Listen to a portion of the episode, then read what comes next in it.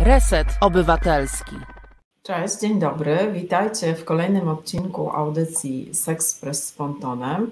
Ja nazywam się Alina Synakiewicz, jestem pedagogzką i edukatorką seksualną z grupy Ponton. Zanim zaczniemy, chciałabym przypomnieć o tym, że każdy i każda z Was może zostać producentem, producentką radia Reset Obywatelski. Wystarczy tylko wpłata przez portal zrzutka.pl. Więcej szczegółów znajdziecie w opisie audycji. E, tradycyjnie też zapraszam do współtworzenia naszej audycji, do komentowania, zadawania pytań. E, tematem dzisiejszej audycji będzie interpłciowość, a moją rozmówczynią będzie Magdalena Rakita, E, interpłciowa e, kobieta, e, z wykształcenia ekonomistka, trenerka, konsultantka kryzysowa. Magda jest też współzałożycielką i prezeską Fundacji Interakcja, która działa na rzecz osób interpłciowych i ich bliskich. Witaj Magda, bardzo miło Cześć Alino, cześć. gościć w audycji. Dziękuję, że przyjęłaś, przyjęłaś Dzięki za zaproszenie. Czy chciałabyś coś dodać do tego opisu, który... Nie, myślę, że był rewelacyjny. Sama bym tego lepiej nie wymyśliła. Bo to jest opis, który od Ciebie dostałam. E, Magda, ja mam bardzo dużo do Ciebie pytań. E, mhm. Myślę, że w ogóle nie wyczerpiemy całego zagadnienia jedną audycją, zdecydowanie nie, ale myślę sobie tak, że warto, żebyśmy zaczęły od podstaw i żebyś powiedziała, czym jest interpłciowość. E, no więc interpłciowość to jest taki termin, który dotyczy, dotyczy różnorodności cielesnej i dotyczy tej różnorodności w zakresie naszych cech płciowych. E, czyli e, te różnice, z którymi możemy się urodzić, mogą dotyczyć narządów płciowych, wewnętrznych lub zewnętrznych, lub na poziomie chromosomów, lub na poziomie układu hormonalnego. I to, I to, są, to jest zupełnie naturalna e, różnorodność, z którymi część osób po prostu się rodzi. Mhm. A powiedz mi, a jak to procentowo wygląda? Jaki, jaką część e, populacji stanowią osoby interpłciowe? No tutaj są bardzo różne statystyki, w związku z tym, że jest to taki temat tabu i często mm, historycznie też e, medycy podchodzili w ten sposób, że, że było to ukrywane, są często nawet teraz spotykam się w sytuacji, że jakieś rzeczy nie są wpisywane w na przykład dokumentację medyczną, e, to tak naprawdę mm, statystyki są bardzo trudne do określenia i są jakimiś szacunkami, mm, a e, też pojawia się problem z tabuizacją i, i w związku z tym, że wiele osób ma dosyć traumatyczne przeżycia, y, szczególnie właśnie w strefie medycznej to jak gdyby no nie, nie zachęca to je do tego, żeby wystawiać się emocjonalnie na jakieś inne, e, że tak powiem, przygody i e, mówić, jak gdyby trudno jest dotrzeć i oszacować. Natomiast y, różne badania, które były podejmowane, niektóre mówiły o nawet 4%. E, no tak generalnie uznaje się w tym momencie, że takie, taką statystykę, którą uznaje Organizacja Narodów Zjednoczonych, to jest 1,7% mniej więcej i to jest coś, dopóki nie będziemy wiedzieć więcej i lepiej, to jest coś, co wiele organizacji podaje, i tutaj też jest też dyskusja właśnie, jakie zróżnicowanie cech płciowych by było wliczone pod, pod, tą, pod tą, e, ten parasol interpłciowości, prawda? Część osób y, y, nie widzi y, siebie pod parasolem interpłciowości w ogóle. Na pewno dużo jest lęków wśród rodziców, kiedy dowiadujemy się, kiedy dziecko, na przykład nie wiem, w wieku kilku lat, czy tuż po urodzeniu, mm, dowiadujemy się, że, że ma cechy interpłciowe, jest dużo, dużo obaw y, związanych z tym, że interpłciowość może dotyczyć tożsamości, że to jest i to jest jakaś, nie wiem, kojarzy się osobom różnym z trzecią płcią i tak dalej, i tak dalej, a tak nie jest. To po prostu do, do, dotyczy różnorodności cielesnej, to jest to, jak zbudowane jest nasze ciało, jak funkcjonuje nasze ciało i, i, te nasze ciała osób interpłciowych, takich jak ja, nie są zbudowane w sposób, czy nie funkcjonują w sposób typo, dla, dla, jaki byśmy oczekiwali dla typowych ciał męskich y, czy kobiecych. I teraz dla mnie bardzo ważne jest tutaj to słowo typowych, dlatego że nasze ciała są męskie lub kobiece y, i, i różnie, różnie też różne osoby postrzegają swoje doświadczenia interpłciowości. Y, natomiast tutaj chodzi od tego, jak daleko odchodzimy od jakiegoś typowych oczekiwań, że tak powinno być, że tak powiem, w dużym cudzysłowiu. E, I, e, i, I stąd e, budzą się różne rzeczy, które, które postrzeganie, że ktoś jest inny, ale inny raczej w negatywny sposób niż w pozytywny bardzo często. Mhm. Też poruszyłaś taką ważną kwestię e, tożsamości, bo często się myli e, właśnie interpłciowość z transpłciowością, także dziękuję, że od mhm. razu o tym o tym e, wspomniałaś, ale myślę, że ważne jest też, żeby, żeby podkreślić, że osoby interpłciowe, tak samo jak reszta populacji, e, to mogą być osoby mm, cispłciowe, czyli takie, których. E, tak, tak absolutnie. Tak, absolutnie. Mhm, to jest tak jak każda inna cecha cielesna, prawda? My się przyzwyczailiśmy, że akurat. Y, cechy płciowe również dyktują jak gdyby tożsamość e, w pewien mhm. sposób. Tak, z takiego założenia wychodzimy, ale wiemy o tym, że tak nie zawsze jest. I jak wśród innych osób, ja na przykład, to, to jest właśnie to, kiedy budujemy system oparty na takich wąskich szufladkach i definicjach, to okazuje się, że on w pewnym momencie nie działa i, i na przykład z mojego punktu widzenia, moje doświadczenia wskazuje to, że, że po prostu mm, one te szufladki nas dosyć ograniczają. Bo na przykład, jeżeli powiem, jestem osobą interpłciową, i na przykład mówię o sobie, że jestem kobietą interpłciową, dlatego że w sumie no, jestem osobą cispłciową, bo utożsamiam się z płcią przy, przypisaną do, po urodzeniu. Ja się dowiedziałam o swojej interpłciowości e, później, w wieku nastoletnim, o tym pewnie będziemy rozmawiać. Natomiast E, też jest e, taka sytuacja, że, że, mm, że, że faktycznie to każdy może utożsamiać się zupełnie inaczej, ma inne doświadczenia i swoje postrzeganie. Ja mówię o sobie jako kobieta, e, przepraszam się powtarzam, kobieta interpłciowa, bo mam doświadczenia życia w społeczeństwie jako kobieta z wszystkim tymi dobrodziejstwem i niezbyt fajnymi rzeczami czasem, ale również y, na przykład do, przez wiele lat, kiedy ukrywałam swoją interpłciowość, do tego byłam też zachęcana na przykład przez lekarzy czy różne osoby z, z zewnątrz, e, to jak gdyby co było niefajne, że to oznaczało, że z kolei moje doświadczenia życiowe związane z interpłciowością, które mają ogromny wpływ na moje życie, które uformowały tą osobę, którą jestem, e, jak gdyby były jak jak były troszeczkę takie zamiatane pod dywan i udajemy, że ich nie ma. I to wydawało mi się y, bardzo niefajne i dopiero jak gdyby dojście do tego, że mogę mówić o sobie, że jestem osobą, że jestem kobietą interpłciową, to jest coś, co oddaje moje doświadczenie. I generalnie uważam, że fajniej by było w życiu, gdybyśmy wszyscy raczej y, mm, skupili się na naszych doświadczeniach, które często mają dużo podobieństw, niż na jakichś metkach, które sobie przyklejamy i w jaki sposób się nazywamy. Mhm, ja myślę, że ktoś nas jeszcze próbuje nazywać, to jest jeszcze lepsze. Całkowicie sobie się z Tobą zgadzam i jeszcze w ogóle chciałam e, tak, e, no przykuło uwagę e, mo, ta, ta Twoja statystyka, e, znaczy statystyka, o której powiedziałaś mhm. i pomyślałam sobie, że e, że nawet, nawet ta ostrożna, ostrożna statystyka, czyli która mówi, że to jest 1,7% populacji, to znaczy, że to jest całkiem sporo i myślę, że każda osoba, która nie jest interpłciowa, na 100% miała kontakt z osobą interpłciową i nawet prawdopodobnie może się z nią stykać, to może być sąsiadka, pani nauczycielka, no jakieś... Ja mogę powiedzieć tylko tyle, że jesteśmy wszędzie. A jeszcze tak. są oczywiście ostrożniejsze jeszcze mm, mhm ostrożniejsze, no bo to jest też jak gdyby kwestia, kogo kwalifikujemy do tego i dlaczego, jakie ma to konsekwencje później e, e, i tak dalej, w różnych strefach społecznych, czy, czy politycznych, czy medycznych. I, i, ale na przykład no, mówi się na przykład, że jest pół procenta, no ale to, to, jest, to jest tak cały czas bardzo dużo. No, w najgorszym wypadku wtedy mamy jedną osobę na 200, no to jest tak. całkiem sporo, prawda? Mhm, mhm, mhm.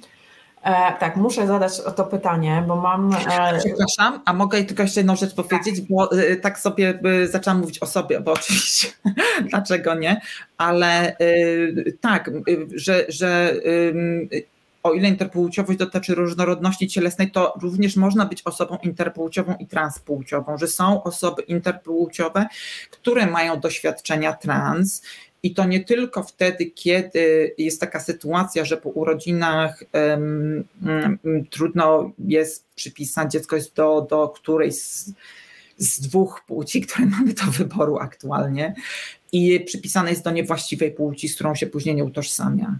Y, ale są też osoby, tak jak w całym społeczeństwie, które po prostu mają doświadczenia trans, no bo nie utożsamiają się z płcią, do której przypisane, mimo że nie były jakieś interwencje przeprowadzone przy, przy urodzinach. Także można być inter, osobą interpłciową i trans. To chciałam mhm, podkreślić. Bo też sporo osób y, interpłciowych też się identyfikuje jako osoby niebinarne. To myślę, że za chwilę, za chwilę też do tego jeszcze wrócimy. Nie wiem, czy sporo. Powiedziałabym, że jednak jest to mniejszość. Zdecydowana większość tożsamia się jako kobiety lub mężczyźni. Tak, tak, ale chodzi mi o to, że jakby jest to, jest ich na tyle, na tyle dużo, że jednak no i są jakąś częścią e, tej, tej No to jak w całym społeczeństwie, aby nie powiedziała, nie wiem, czy jest więcej w naszym, okay. naszej grupie. Dobra, dobra. Mhm. to e, dzięki za doprecyzowanie.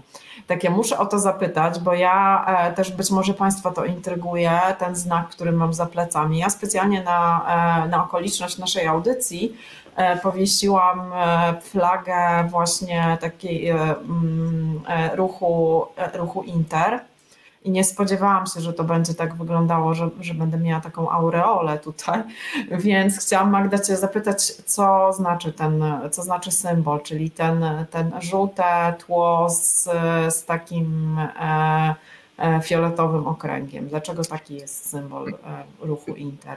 Mhm. E, prze, przez wiele lat, kiedy ruch w jakiś sposób się kształtował i, i w sumie początkowo że tak powiem, był inicjowany y, przez osoby z takim typem mm, interpłciowości, jak na przykład niewrażliwość na androgeny. Symbolem była orchidea, dlatego że orchidea, jej korzeń przypomina jądra męskie mm, i e, czy jądra, przepraszam, jądra, wszystkie mogą nie być męskie, jak pokazuje ten przypadek. I e, również o, o operacja, której dużo osób, większość osób, takich jak ja, jest poddawana e, często bez świadomej zgody, mm, nazywa się orchidektomią. I dlatego orchidea stała się takim symbolem, ale jednocześnie była symbolem właśnie na początku takich grup wsparciowych, bardziej pacjenckich E, powiedziałabym. Natomiast ten ruch się bardzo rozwinął e, od tego czasu i ta, ta flaga, którą, którą widzimy za tobą, pięknie wygląda za tobą i świetnie wyglądasz w tej aureolce fioletowej. Jest, została stworzona przez Morgana Carpentera z Australii, który prowadzi um, organizację um, pracującą na rzecz osób interpłciowych i naszych praw w Australii, jest aktywistą, rewelacyjnym aktywistą na arenie międzynarodowej również. I ten żółty i fioletowy kolor to były kolory, które przez e, e, no, od zarania dziejów były przypisywane osobom interpłciowym, aczkolwiek wtedy może byliśmy inaczej określani. Mm, natomiast ważny jest ten okrąg, który jest nieprzerwany, nie ma żadnych ornamentów, nie jest zdobiony, a jednocześnie jest um, figurą idealną. Y, I tutaj jak gdyby zamysłem było podkreślenie tego, że jesteśmy idealni tacy, jacy się rodzimy, że nie potrzebujemy nas, y, żeby ktoś nas naprawiał, zmieniał. Chcemy być tacy, jacy jesteśmy. Mhm, piękny, piękny symbol, naprawdę, bardzo mi się podoba. E, no tak, zaczęłaś w ogóle, e, tak, e, wspomniałaś w ogóle o, o, o nazewnictwie i to tym sposobem zmierzamy do mojego kolejnego pytania, bo właśnie chciałam zapytać Ciebie o język, bo też ważne w, też jeżeli mówi się o grupach mniejszościowych, to jest język jest bardzo ważną mhm. sprawą, taki język, który nie dyskryminuje, nie, nie, nie rani, też e, tak jakby oddaje e, tym przedstawicielom, przedstawicielkom grupy mniejszościowej też to poczucie sprawczości i też podmiotowości. I chciałam zapytać właśnie, jak mówić o interpłciowości, żeby nie stygmatyzować, nie krzywdzić, właśnie nie używać jakichś zwrotów, które no być może były w medycynie używane, ale już teraz są bardzo nie zdezaktualizowane i, i nie, e, nie, nie w porządku. E, na pewno, to znaczy e, język jest na szczęście istotą żywą, się zmienia i zmienia się z nami. Jestem pewna, że będzie się zmieniał nadal. Aktualnie, jeśli chodzi o ruch e, osób pracujących na, na rzecz naszych praw, taką dominującą, dominującymi terminami są zróżnicowane cechy płciowe i interpłciowość, stosowane zamiennie. Natomiast interpłciowość również była e, jako intersex po angielsku, była, był, był to termin medyczny, używany przez do 2006 roku, e, natomiast został jak gdyby odzyskany przez, przez naszą e, społeczność i głównie na, na znak protestu, dlatego że e, medycy w 2006 roku stwierdzili, że zmienią ten termin, żeby mniej nas stygmatyzować podobno i stwierdzili, że wprowadzą terminologię pod tytułem zaburzenia rozwoju płciowego. Rzekomo z, z terminologią zaburzenie mamy czuć się lepiej, ja chciałam powiedzieć, że zaburzeniem e, się nie czułam, raczej inne osoby spowodowały to właśnie w medycynie, że się czułam, że coś ze mną jest nie tak. I więc jak gdyby jest to termin odzyskany, na pewno e, część osób może być znać takie um, terminy jak na przykład E, osoba interseksualna czy interseksualizm, prawda? Już nie będę wchodzić w końcówki izmy i te inne, ale wynika to z, był to taki termin, cały czas jest używany przez niektóre osoby, Natomiast jest to taki termin, który wynika raczej z, z, błędnego przetłumaczenia tego słowa intersex, dlatego że y, seks w języku angielskim e, oznacza również płeć, w sensie takim biologicznym właśnie. I, I oryginalnie miało to jak gdyby znowu e, określać osoby, które są na tym spektrum pomiędzy e, dwoma biegunami, gdzie, gdzie e, są kobiety, typowe kobiety i typowe mężczyźni. Natomiast jak gdyby ten termin ma teraz o wiele szersze znaczenie, wiele osób się z nim um, utożsamia i go wykorzystuje. Natomiast znowu jest w związku z tym, jak w wielu innych grupach z, marga, z, z z doświadczeniem jakichś takich e, traum i, i e, różnych problemów. Różne osoby korzystają z różnego słownictwa i też w, różnych kontekście, w różnym kontekście mogą używać innego słownictwa. Na przykład innego słownictwa będą używać i są takie badania, które to pokazują, również w Australii świetnie to pokazują, że na przykład innego słownictwa używamy, kiedy idziemy się spotkać z lekarzem, a innego, kiedy rozmawiamy z naszymi znajomymi. Um, ale ważne jest to, żeby każdy mógł używać takiego słownictwa, które jest dla niego wzmacniające, prawda? Że gdzie jest na swoim etapie podróży, jak na siebie patrzy, żeby to słownictwo, którego określa, opisuje, żeby go wzmacniało. Natomiast y, inne słownictwo, które, które może ktoś znać i którego nie polecam, no to na pewno hermafrodytyzm, chociaż są osoby, które również y, starają się odzyskać to, y, to słownictwo. Natomiast dla wielu, większości osób jest to dosyć takie traumatyzujące słownictwo, bo było, jest używane, czyli dalej jest używane przez medyków i, i, i tak dalej, więc jak gdyby. To są, to są takie podstawy.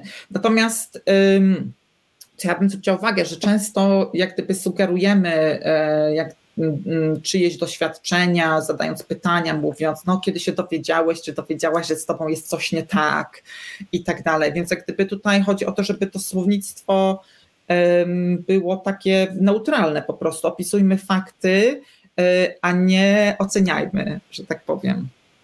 No i też nie wkładajmy jakiś e, też e, komuś na siłę też jakichś emocji, które e, osoba ma czuć w tak, zdecydowanie. ze swoim doświadczeniem. Tym bardziej, że to buduje, szczególnie jeżeli jesteśmy zamknięci i nie rozmawiamy na temat, jeżeli się odważymy, czy usłyszymy kogoś innego rozmawiającego na ten temat i ktoś e, mówi w ten sposób, no to od razu buduje się w nas poczucie, czy może budować się w nas poczucie, że mm, no to fajnie, nie zostanę zaakceptowana przez te osoby, jeżeli się otworzę, prawda, bo będą postrzegać mnie jako dziwoląga, czy kogoś e, e, nie wiem, znowu z jakimś zaburzeniem albo kogoś nienormalnego, w dużym cudzysłowie. Mhm. Magda, dziękuję Ci za ten taki krótki wstęp teoretyczny. No myślę, że to była taka absolutna podstawa i też e, pomyślałam sobie, że jak ktoś chce więcej jeszcze się dowiedzieć e, mm, o interpłciowości, to, to też e, warto, żeby sięgnął, zajrzał na Waszą stronę Fundacji Interakcja. Tam jest dużo bardzo materiałów takich pomocnych. I chciałabym przejść właśnie do Twojego doświadczenia. Jak Ty już wspomniałaś, że jak dowiedziałaś się, że, e, że byłaś e, nastolatką, gdy dowiedziałaś się, o, że jesteś osobą inter, mhm. i, e, i jak to było?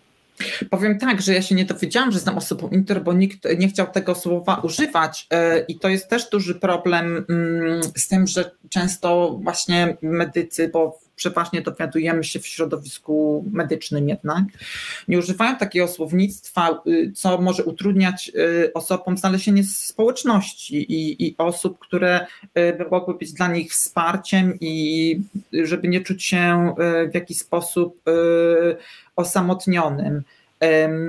No więc w moim przypadku to jest dosyć częste. Jak powiedziałam wcześniej, możemy się dowiedzieć na różnych etapach życia. Możemy się dowiedzieć na etapie e, podczas badań prenatalnych, możemy się dowiedzieć e, tuż po urodzinach, jeżeli, narodzinach, jeżeli cechy te są widoczne.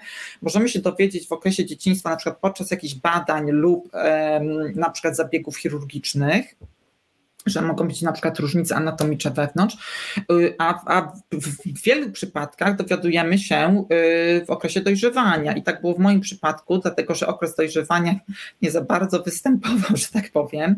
I moja mama, która była położną, y, w pewnym momencie skonsultowała się z lekarzem, który zaprosił nas na badanie, czy wysłał na badanie. I jak gdyby no, to, było, to była ta informacja, którą się dowiedziałam wtedy, że. Um,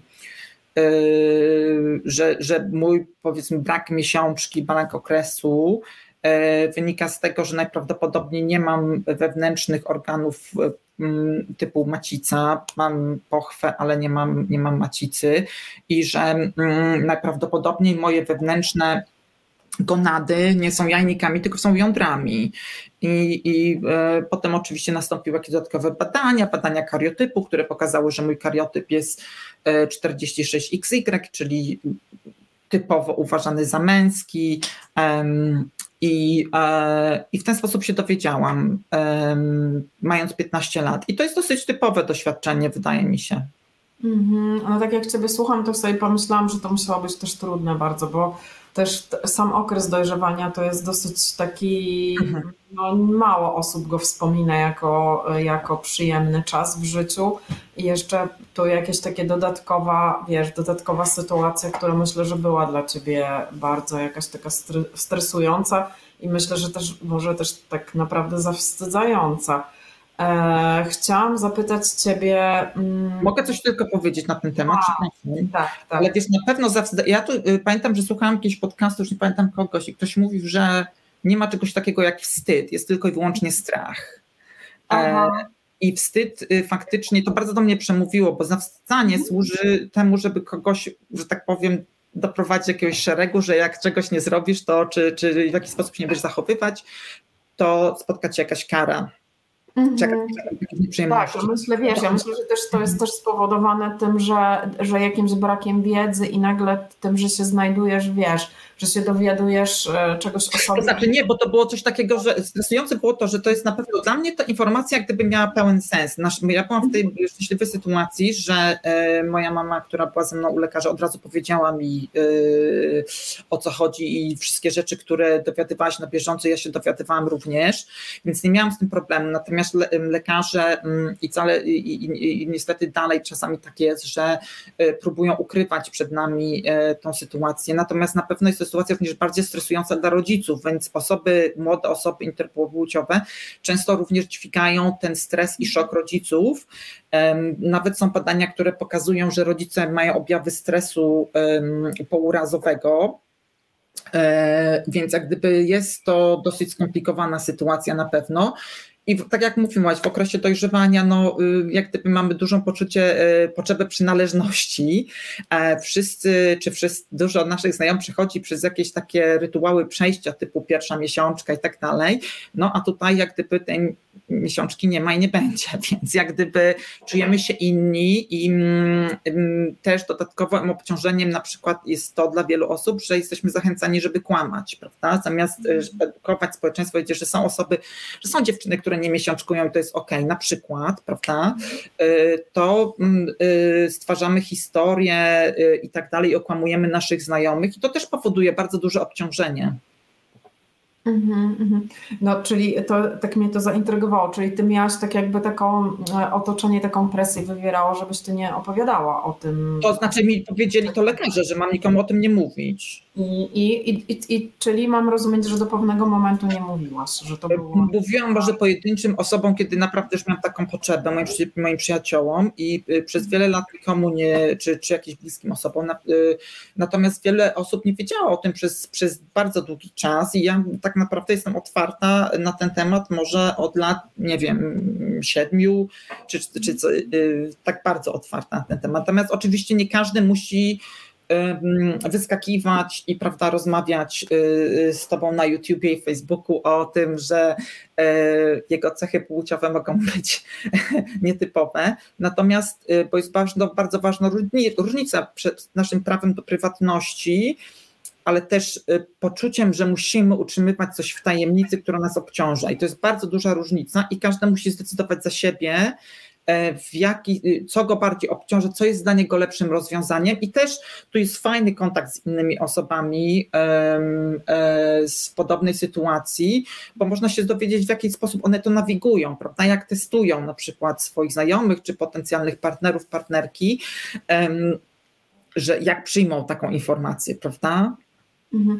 Wiesz co, ja sobie pomyślałam, że w ogóle dotknęłaś też takiego tematu, który, który być może jeszcze do niego e, e, za chwilę wrócimy, e, takiego sojusznictwa, bo my się, bo to, że ja Cię zapytałam o Twoje doświadczenie, to jest wynik tego, że my wcześniej to skonsultowałyśmy i mhm. ja się Ciebie zapytałam, czy to będzie ok, że będziemy publicznie w, w audycji, która jest na żywo, na ten temat rozmawiała, rozmawiały, a to jest ważne, żeby też osoba była no, takim ambasadorem czy ambasadorką swojego doświadczenia i żeby to ona podejmowała decyzję Absolutnie. w okolicznościach. E, e, ma przestrzeń do tego, żeby, e, żeby mówić po prostu o też swoich doświadczeniach, które też mogą być, no może się osobom po prostu nie chcieć tym dzielić i to jak najbardziej ma ma do tego prawo. Ja jeszcze chciałam zapytać, no właśnie, jak to się powiedziałeś, że, że tak mniej więcej od siedmiu lat jesteś e, no jakby taką otwartą, e, w, w,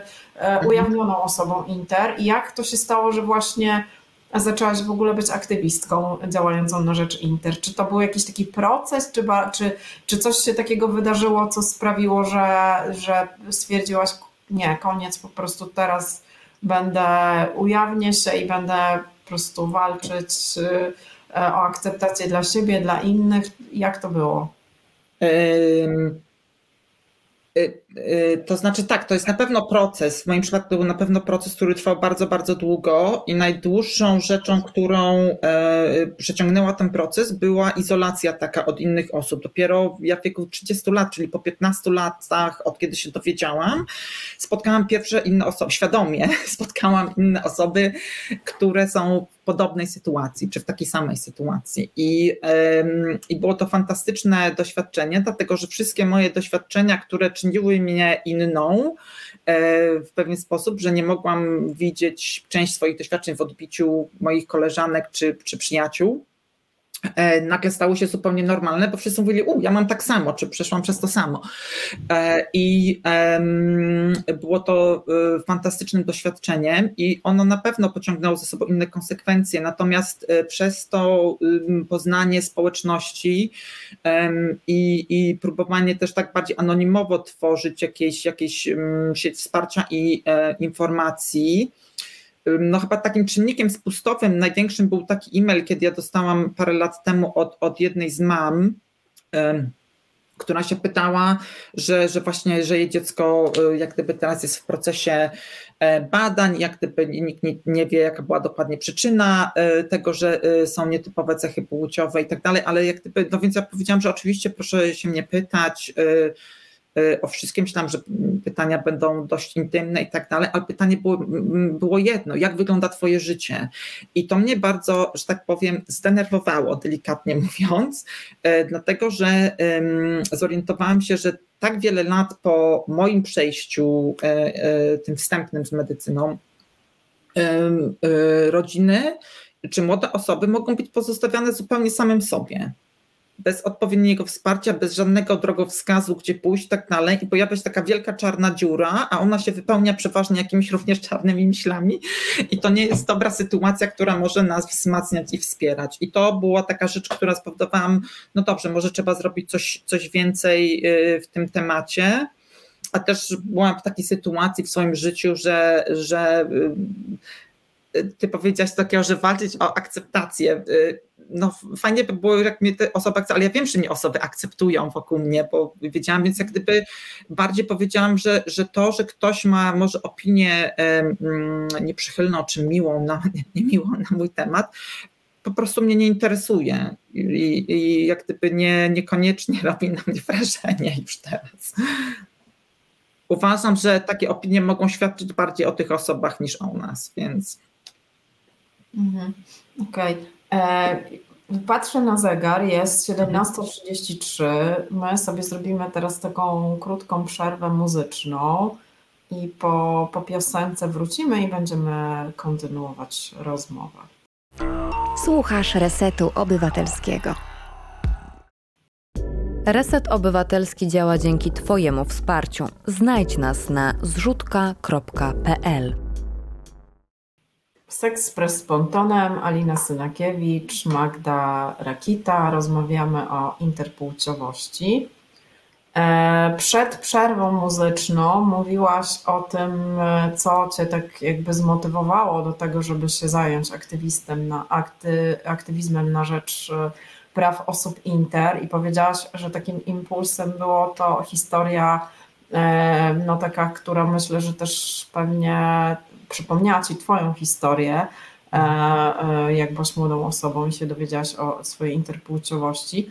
I właśnie ja chciałam Cię zapytać też o taką kwestię, która dotyczy młodych, czy, czy młode osoby, czy nawet dzieci, mam na myśli zagadnienie operacji e, normalizujących, które to są takie operacje, które. Normalizujących.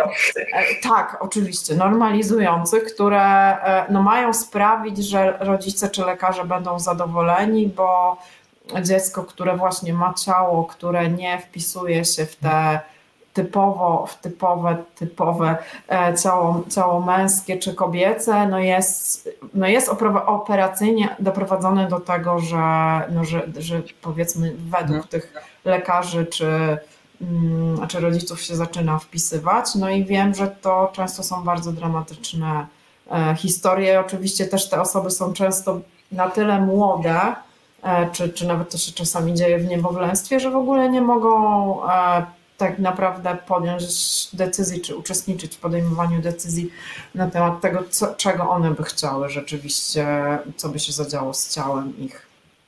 Dokładnie tak. Tak jak, jest tak jak mówisz. E,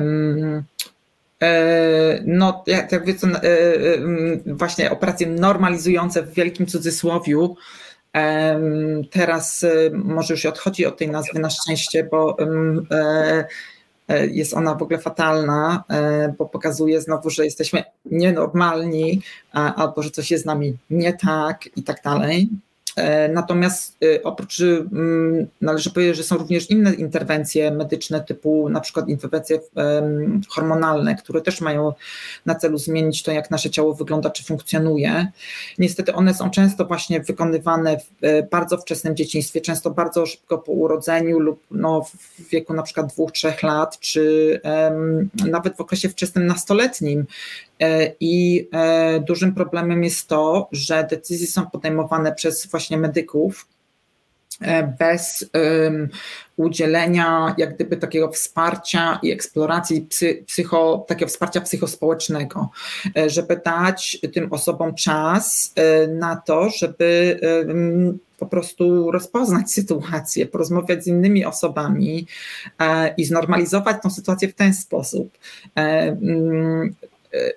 te, te operacje wywodzą się tak naprawdę z lat takich 60., kiedy e, normy dotyczące płci, stereotypów płci były bardzo silne i one zostały wtedy wprowadzone. Natomiast polegają dokładnie na tym, żeby na przykład zmienić wygląd e, ciała, czyli na przykład e, zmniejszyć wielkość łechtaczki, bo łechtaczka jest za duża. Ja w ogóle nie wiem, co to znaczy za duża łechtaczka, bo jeżeli mamy organ stworzony dla przyjemności, no to nie wiem, czy może być za duży, no ale niech będzie. Ktoś się upiera. Natomiast też chciałam powiedzieć to, że my nie jesteśmy przeciwko zabiegom chirurgicznym czy innym interwencjom, szczególnie w jednej sytuacji, jeżeli one ratują komuś życie, no to absolutnie trzeba takie zabiegi wykonywać. E, druga sytuacja jest taka, że jeżeli taka osoba chce takiego zabiegu i jest to jej własna, nieprzymuszona wola, to absolutnie powinna mieć dostęp do tych zabiegów i wszystkich innych.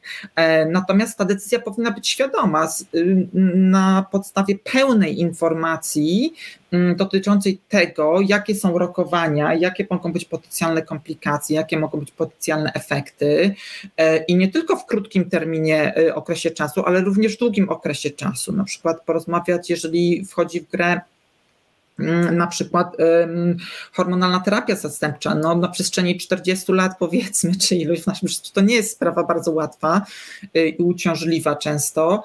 Y, wiele osób, które um, te, te zabiegi oryginalnie było że mają właśnie mm, zapobiec E, takie, takiemu stresowi e, rodziców i tak dalej, ich niepewności i obawom. Natomiast e, teraz wiemy o tym, że wiele, wiele te obawy nie mijają. E, również osoby, które przechodzą te zabiegi, e, mają również wiele obaw, może nie takie, które by miały oryginalne, ale związane z innymi problemami, które często wynikają z, tymi, z tych operacji. Wiele osób boryka się z e, nawracającymi infekcjami, z brakiem czucia, na przykład w obrębie narządów płciowych, które, co ich pozbawia je możliwości cieszenia się intymnością, czy wręcz przeciwnie, ból, który jest nawracający lub ciągły ciągły, stały ból w rejonie narządów płciowych e, i, i wiele innych rzeczy, już nie wspominając o również e, no, mm, ranach na psychice, które powodują e, zabiegi, powodują to, w jaki sposób też ten proces często się odbywa wciąż, kiedy jesteśmy prezentowani lekarzom bez naszej świadomej znowu zgody, gdzie są podda jesteśmy poddawani na przykład grupowym badaniom, czy pokazywani jak tako właśnie okaz. No, historie są naprawdę wstrząsające Mam nadzieję, że osoby inter, które nas słuchają, nie mają, nie, nie, nie czują się zbyt źle teraz, kiedy o tym wspominam.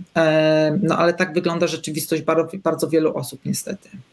Mhm. I, I cały ta nasza działalność, jak gdyby mm, ruchu, międzynarodowego ruchu e, organizacji osób interpłciowych, e, idzie w kierunku tego, żeby właśnie e, odsuwać te operacje, które możemy w czasie, które są tak naprawdę kosmetyczne, i e, tak, żeby tam dana osoba sama mogła podjąć decyzję. Mhm. Wiesz, ja sobie tak... uczestniczyć w decyzji, prawda, która jest, jest poinformowana przez y, tym, co powie zespół multidyscyplinarny, co powie, nie wiem, ale żeby na przykład też była większa opieka i wsparcie psychospołeczne. Mhm. Ja sobie pomyślałam w ogóle, że, mm, że to jest w ogóle też takie, to o czym mówisz, też to jest taki kolejny argument e, e, na rzecz tego, żeby w ogóle też tak zredefiniować w ogóle to, czym, co nazywamy seksem, bo powiedziałaś o tym, że i też jak ja przygotowywałam się do audycji, to też sobie trochę czytałam o interpłciowości, że, takim, e, że taką myślą, która przyświeca lekarzom czy rodzicom, e, mm, no właśnie, którzy powiedzmy zalecają takie, takie zabiegi, to jest to, że e, to, to te stereotypy płci, o których powiedziałaś, ale też to, jak wygląda zdaniem tych osób seks że seks tak. to. Jak w ogóle powinny wyglądać gdzieś narządy płciowe? Ja często mówię lekarzom, z którymi się teraz spotykam, celach edukacji, że mnie to nie interesuje, czy i moje narządy płciowe mi się podobają, czy nie, bo pewnie uczucia są odwzajemnione, um, więc jak gdyby jest ich to szokuje, że ktoś może mieć opinię taką. Um, natomiast y, to y, właśnie to jest to, że, że dokładnie tak, że zawsze była ta idea, że y, zmierzamy ku temu, żeby był um, penis w waginie i to jest po prostu sukces to, czy ktoś coś czuje, czy odczuwa ból, czy w ogóle sprawia mu to przyjemność, to w ogóle było jakoś pominięte, to w ogóle nie wchodziło w, gdyby w grę. Wygląd e, często również e, narządów płciowych, całkiem tylko taki estetyczny wygląd, był również oceniany tylko i wyłącznie przez lekarzy, a nie przez samą osobę zainteresowaną, co jest w ogóle też dziwne. I, um, i, to, I to jest właśnie to wynika z a na przykład y, i, i to dotyczy bardzo wielu osób. Jest y, na przykład wiele osób, na przykład y, w jaki sposób rozmawiamy i w jaki sposób przedstawiamy w ogóle możliwość wyboru, bo niektórzy mówią, tak, my przedstawiamy możliwość wyboru, ale jeżeli przez na przykład cały paragraf na stronie internetowej mówimy, że ktoś, y, żeby móc uprawiać normalny seks, to musi mieć y, mm, waginoplastykę i stworzyć sobie pochwę, najlepiej chirurgicznie, a nie na przykład przez e, dilatorem, przez rozciągnięcie zachyłka pochwy, jeżeli ma i że są różne metody w ogóle i że można do tego podejść w inny sposób i że, i że niekoniecznie nam jest potrzebna pochwa do tego, żeby uprawiać seks, prawda? I ja pamiętam właśnie, dlatego świetny jest internet, który też na pewno wzmacnia nasz ruch i, i łączenie się osób na takich zasadach, jak im odpowiada, bo mm, w jednej z grup była taka rozmowa, że jedna dziewczyna mówi, no zastanawiam się, czy zrobić sobie plastykę pochwy i jakie inne osoby, jakie metody były robione i tak dalej, i tak dalej, i tak dalej. I, I, w pewnym momencie włączyła się na pani e, z Kanady, która powiedziała, że jest mężatką od 30 lat, cieszy się udanym życiem seksualnym, że nigdy nie miała pochwy, nie planuje i generalnie nie jest to coś koniecznego do tego, żeby cieszyć się intymnością. Hmm, no właśnie, super. Super są takie głosy. Ja myślę, że w ogóle to dotyczy nie tylko osób inter, ale też osób na przykład z niepełnosprawnościami. Absolutnie. Każda różnorodność cielesna tutaj wchodzi znowu w grę. Tak, ja myślę po prostu, że musimy odejść od takiego, e, od takiej definicji e, seksu, czy udanego seksu, w którym jest właśnie ta, ten, że to jest stosunek penetracyjny z udziałem penisy, penisa i waginy, bo jest po prostu całe spektrum zachowań, które są satysfakcjonujące i przyjemne. I no, dlatego... bardziej, nawet badania pokazują, że wiele y, typowych kobiet jest generalnie dosyć y, tak mało entuzjastycznie nastawiona do tego, do tego, do czego właśnie tutaj e, wielu lekarzy dąży. Mamy taki e, miły e, komentarz od pana Adriana Jasińskiego. Bardzo interesująca, budująca i wyjątkowo ciekawa rozmowa na temat interpłciowości. Chciałbym, aby jak tematyka interpłciowości, widzialność osób interpłciowych, pomoc, wsparcie i solidarności dla tychże osób w walce o swoje prawa były e, wśród nas jak najbardziej potrzebne. I nie od dziś wiadomo, że lekarki i lekarze jak najbardziej i najsilniej powinni, po, e, powinny i powinni w sposób humanitarny, zgodny z nauką, wiedzą medyczną, bez zacietrzewienia, pomagać osobom interpłciowym w sprawnym przeprowadzeniu i tu się obcina zabiegu, nie wiem, e, tak domyślam się, bo nam się tutaj obcięła, e, obciął tą, ten komentarz. Mamy, zostało nam niewiele minut, tak jak myślałam, że niestety po prostu bardzo szybko nam ta, ta audycja zleciała. Chciałam Ciebie zapytać o działania interakcji, bo prawdopodobnie, tak jak wspomniałaś, słuchają nas osoby interpłciowe bądź, bądź bliscy osób interpłciowych i na jaki rodzaj wsparcia mogą te osoby w Waszej fundacji liczyć? Mm, my, znaczy jako fundacja prowadzimy różnorodne działania, które związane są właśnie z na tym, że mamy nadzieję zmieniać sytuację osób interpłciowych w Polsce na różnych płaszczyznach. E, ale bezpośrednio e, również e, przede wszystkim mamy grupy mm, internetowe, które fora internetowe, na których możemy porozmawiać z innymi osobami. Organizujemy spotkania jak pozwala pandemia ostatnio, e, na których się spotykamy i na których możemy porozmawiać bez, e, bez jakiejś, jakiegoś lęku przed oceną czy niezrozumieniem w sposób swobodny też wymieniać się doświadczeniami i nie tylko takimi związanymi na przykład z gdzie jest specjalista, który faktycznie nas zrozumie i który się nami zaopiekuje w odpowiedni sposób, ale na przykład również tym, jak nawigujemy pewne życie w takim codziennym, społecznym, socjalnym kontekście. E, I są to, są to takie spotkanie w moim życiu było e, pierwsze bardzo, bardzo znaczące i ja po prostu je uwielbiam i mam nadzieję, że będziemy prowadzić je bez końca. E, I to, to jest i ostatnio również e, prowadzimy, prowadzimy jeszcze chyba wciąż taki e, projekt e, wsparcia psychologicznego, to znaczy z zaprzyjaźnionymi osobami, terapeutkami, terapeutami, terapeutkami, psychologami, którzy mają otwarte i przyjazne podejście do osób interpłciowych i różnorodności generalnie. Oferowaliśmy takie interwencyjne sesje, na przykład z psychologiem, prawda? Wiadomo, że pandemia e, wpłynęła na nasze zdrowie psychiczne. Wiele osób, które e, interpłciowych, które właśnie, mm, których problem był izolacji, generalnie ze związku poczucie, izolacji czy niezrozumienia ze związku z ich doświadczeniami, e, trochę tak wróciło w tym, w tym okresie tutaj wymuszonej naszej izolacji całkowicie społecznej. I to była na przykład jedna rzecz, która, która też robiliśmy. Będziemy prowadzić różne badania mm, społeczności i praktyk, które się odbywają w Polsce, y, ale też przede wszystkim słuchamy osób, z którymi mamy kontakty e, i jakie są ich potrzeby jakie są potrzeby ich bliskich, ich rodzin, bo tak jak mówiłam, często są w tym zaangażowani y, rodzice czy partnerzy, partnerki. I myślę, że, że jak gdyby ta nasza społeczność będzie się powoli rozwijać, także to, to na to patrzę z pewnym optymizmem e, i, w związku z tym, że właśnie słuchamy, staramy się słuchać to, tego, jakie są potrzeby, y, będziemy się w tym kierunku rozwijać, bo to nie jest tak, że my tutaj wszystko wiemy i tak dalej, bo nasze doświadczenia są bardzo różnorodne i, i niekoniecznie wiemy o wszystkim e, i wszystkich potrzebach różnych osób. Hmm. E, na koniec chciałabym zapytać Cię o sojusznictwo, o to, jak być dobrym, dobrym sojusznikiem, sojuszniczką ruchu inter, czy w ogóle osób interpłciowych. Mhm. No, y, na pewno sporo odnosi się do słownictwa, o tym jak mówimy, czy piszemy, wypowiadamy się. Ja moim podstawowym takim zawsze, y, no nie, nie, nie pół żartem, ale zupełnie serio jest taka prośba, żeby odchodzić od żartów związanych z cielesnością i cechami płciowymi, które mają kogoś wy, y, ośmieszać, prawda?